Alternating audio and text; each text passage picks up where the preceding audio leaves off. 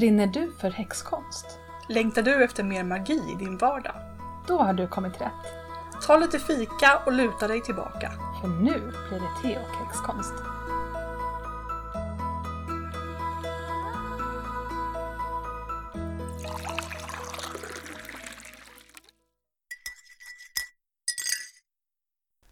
Och nu är vi framme vid nummer fyra i häxans 13 mål. Och det är använd kunskap med visdom. Mm. Vad säger du om det Jessica? Ja, men jag, jag tyckte att det här var eh, lite svårt ämne. Eh, och har liksom snöat in på kanske lite sidospår. Medan du ändå hade bra tankar redan från början. Och jag tänker att det är för att det är ganska filosofiskt. Ja, kanske det. För när jag har liksom gjort lite efterforskningar och så här så har jag stött på Aristoteles till exempel och, och sådana saker. Du har ju ändå läst filosofi så jag tänker att det, det, det på något sätt så, så väckte det här grejer i dig som du redan har funderat på. Ja, men alltså jag gillar ju det här med att ifrågasätta regler och sånt. Ja. Jag kom omedelbart att tänka på ett citat från eh, nu ska jag säga, Stjärnornas krig episod 2, Attack of the Clones. Där Obi-Wan Kenobi han träffar en gammal kompis. Eh, för han kan inte lista ut, han har ett krångligt problem som han inte riktigt kan lista ut. Eh, och då säger kompisen till honom att en, en så mä- mäktig jedi som du måste ju veta skillnaden på kunskap och visdom. Mm. Mm. Det är jättebra. Men vad är skillnaden då? Nej, men jag tänker att om, man kan ha hur mycket kunskap som helst, men om man inte vet hur man ska använda den, hur användbar är egentligen då den där kunskapen? Mm. Ja, men för det som jag snöade in på lite grann var Mm. skillnaden mellan visdom och klokhet. Mm, okej, ja. För det har jag läst någonstans. Eh, och, men jag kommer inte riktigt ihåg hur det definierades. Men jag har för mig att, att klokskap liksom ligger, eller klokhet, någonstans mittemellan visdom och kunskap. Att, man, att just det är att man kan använda kunskapen med visdom. Precis som det står i den här. Ja, ja men jag, jag tror väl att du är inne där på de olika sorternas kunskap. Mm. För grekerna hade ju liksom olika ord för olika sorters Mm, kunskap. mm.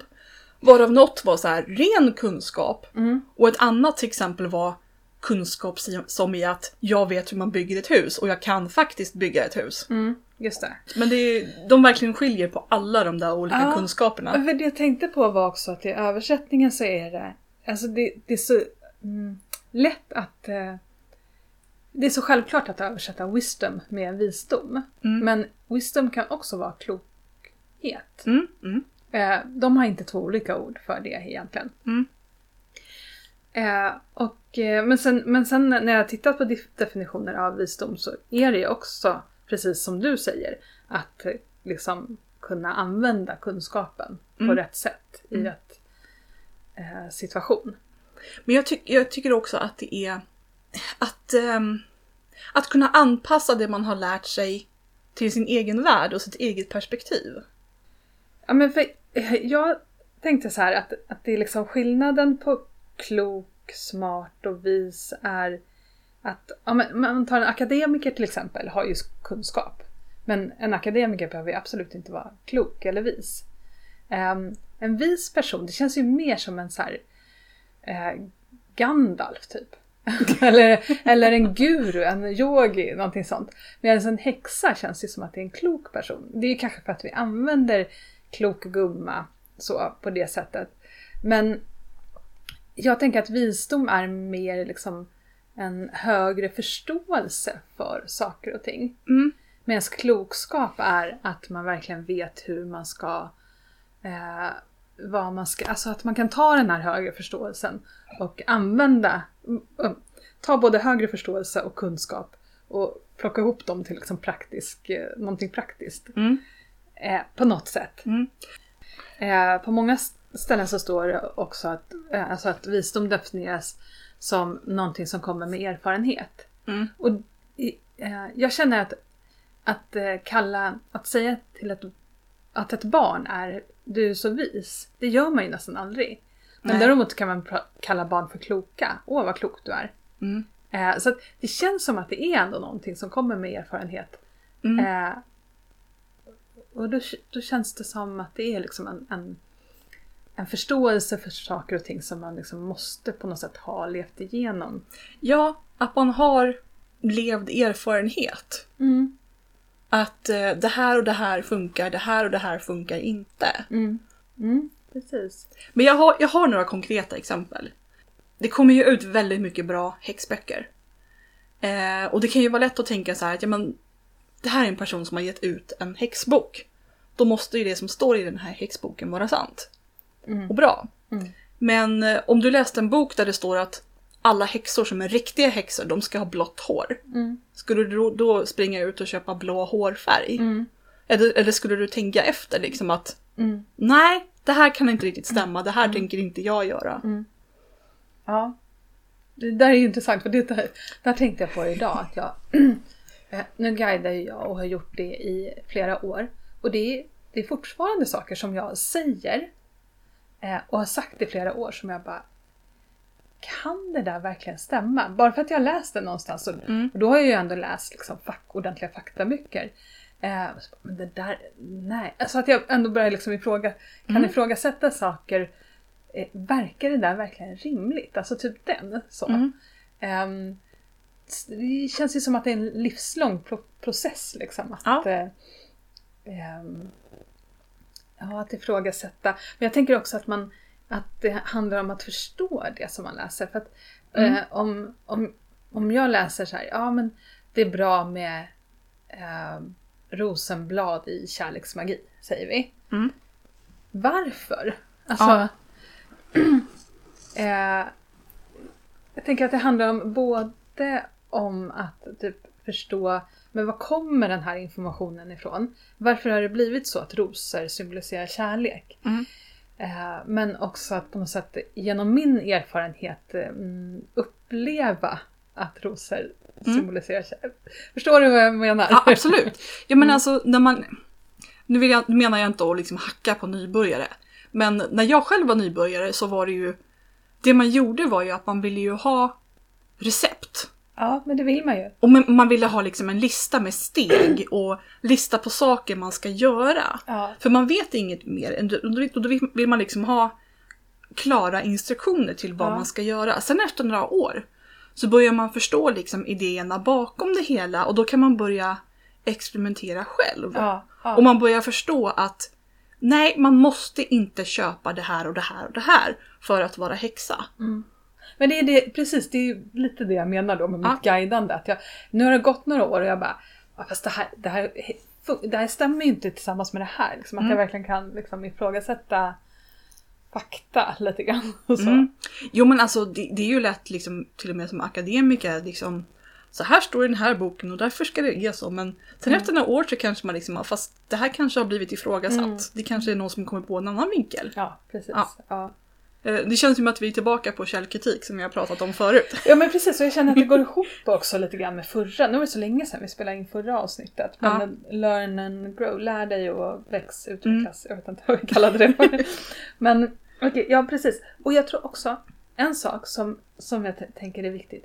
Det är också att förstå att vi faktiskt inte vet allt. Alltså att ändå erkänna det för sig själv. Eh, att man inte vet allt. Eh, jag tänker på, då tänkte jag lite på Witch Talk som jag aldrig har varit ute på. Det är bara mina fördomar om hur det går till på Witch Talk. Men där känns det som att folk är så himla bergsäkra på Mm. saker och ting.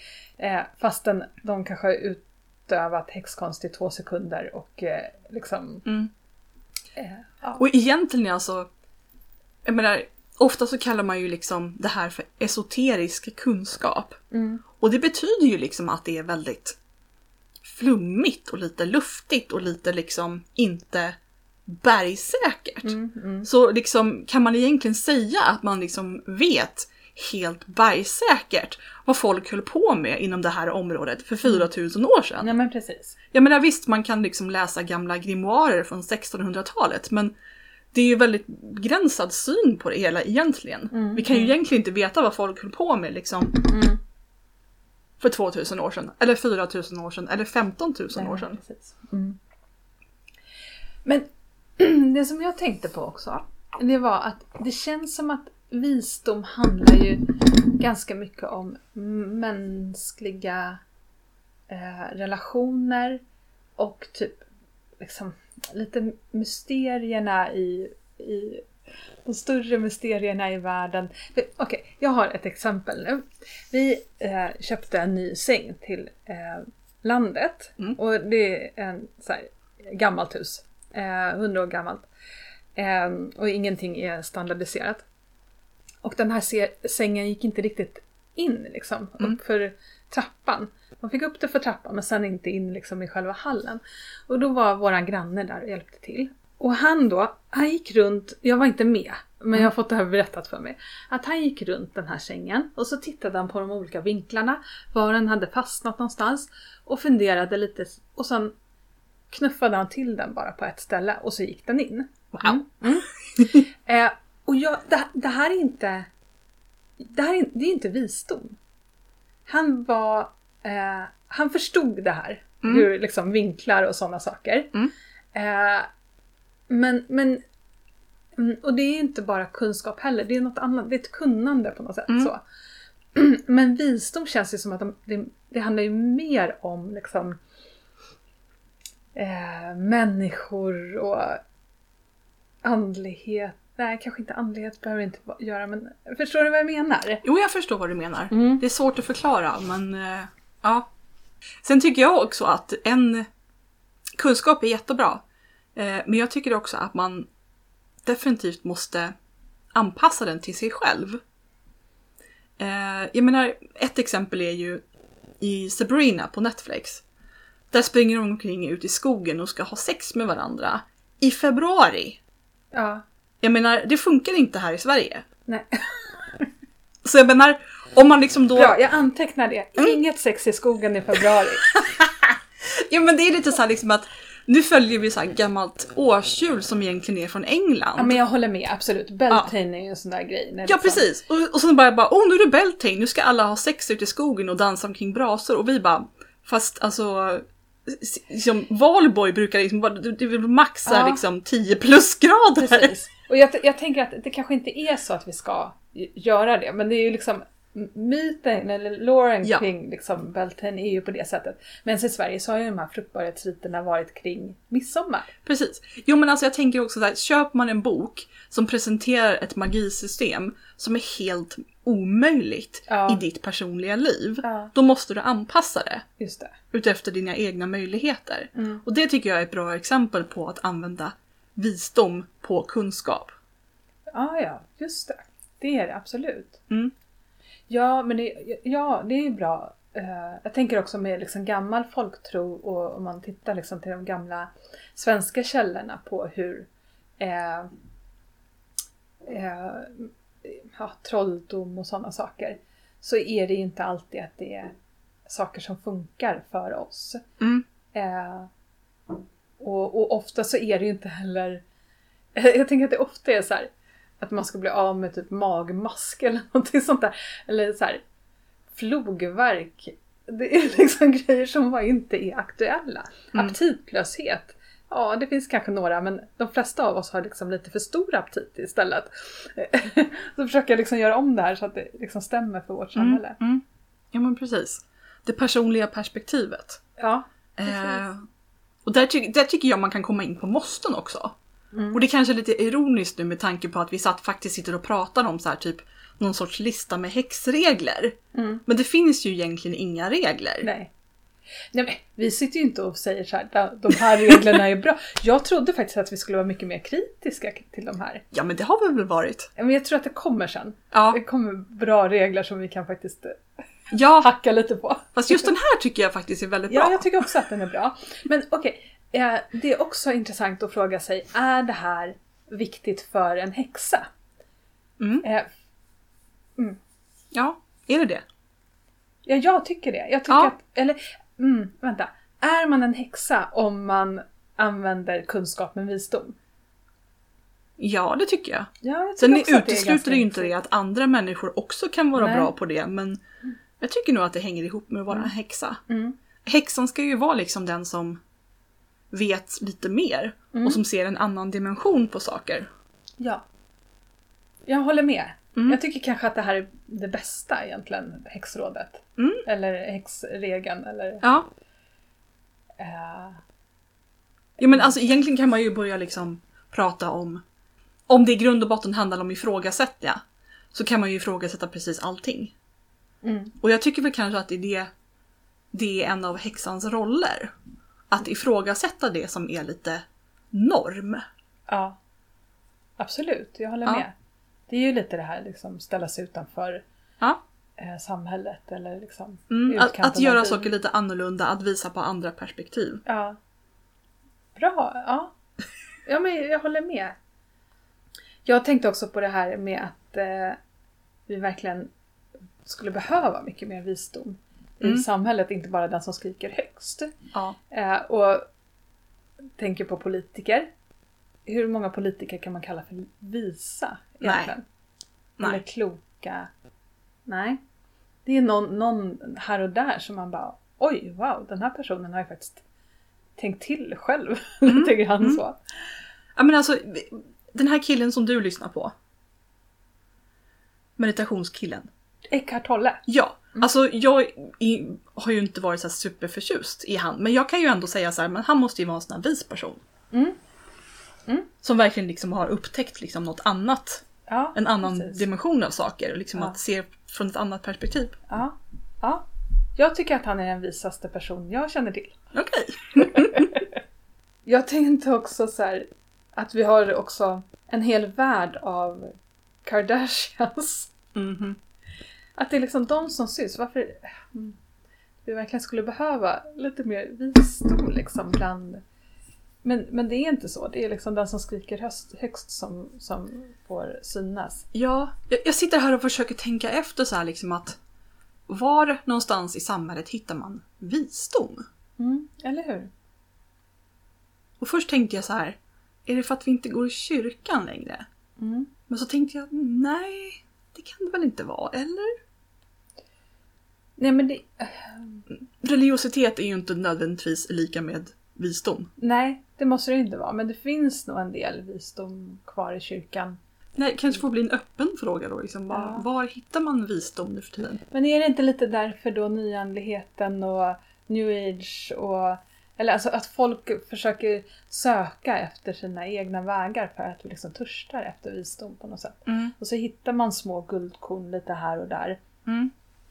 Eh, men, men det finns ju också väldigt, väldigt mycket skräp och folk överallt som vill liksom ha ehm, ja, utövar makt liksom över andra. Mm. För mig så känns ju kunskap som någonting som man skulle kunna kalla för... Jag tycker det låter som en, någonting som är en del av det materialistiska. Liksom kunskap. Man kan gå massor med utbildningar och man kan skaffa sig massor med kunskaper, massor med böcker. Men, och det är liksom ändå, det är som en sorts vara nästan. Men var Alltså- kommer visdomen in någonstans? Ja, just det. Men precis, det är ju när man på något sätt kan eh, integrera kunskapen eller Mm. förstå kunskapen. Eller... För i det här samhället så är det ju mest att vi... Nu har jag lärt mig jättemycket, nu har jag en examen, nu kan jag vara produktiv, jobba och tjäna pengar. Mm. Men för att sammanfatta, eh, nu kanske det här lät väldigt eh, filosofiskt och lite krångligt kanske, men alltså jag brukar ju tänka att kärnan i det här är ju att använda sitt sunda förnuft. Mm. Jag tänkte avsluta med att säga att eh, ditt namn betyder visdom. Ja, jag vet. Det är därför du är så vis. Tackar.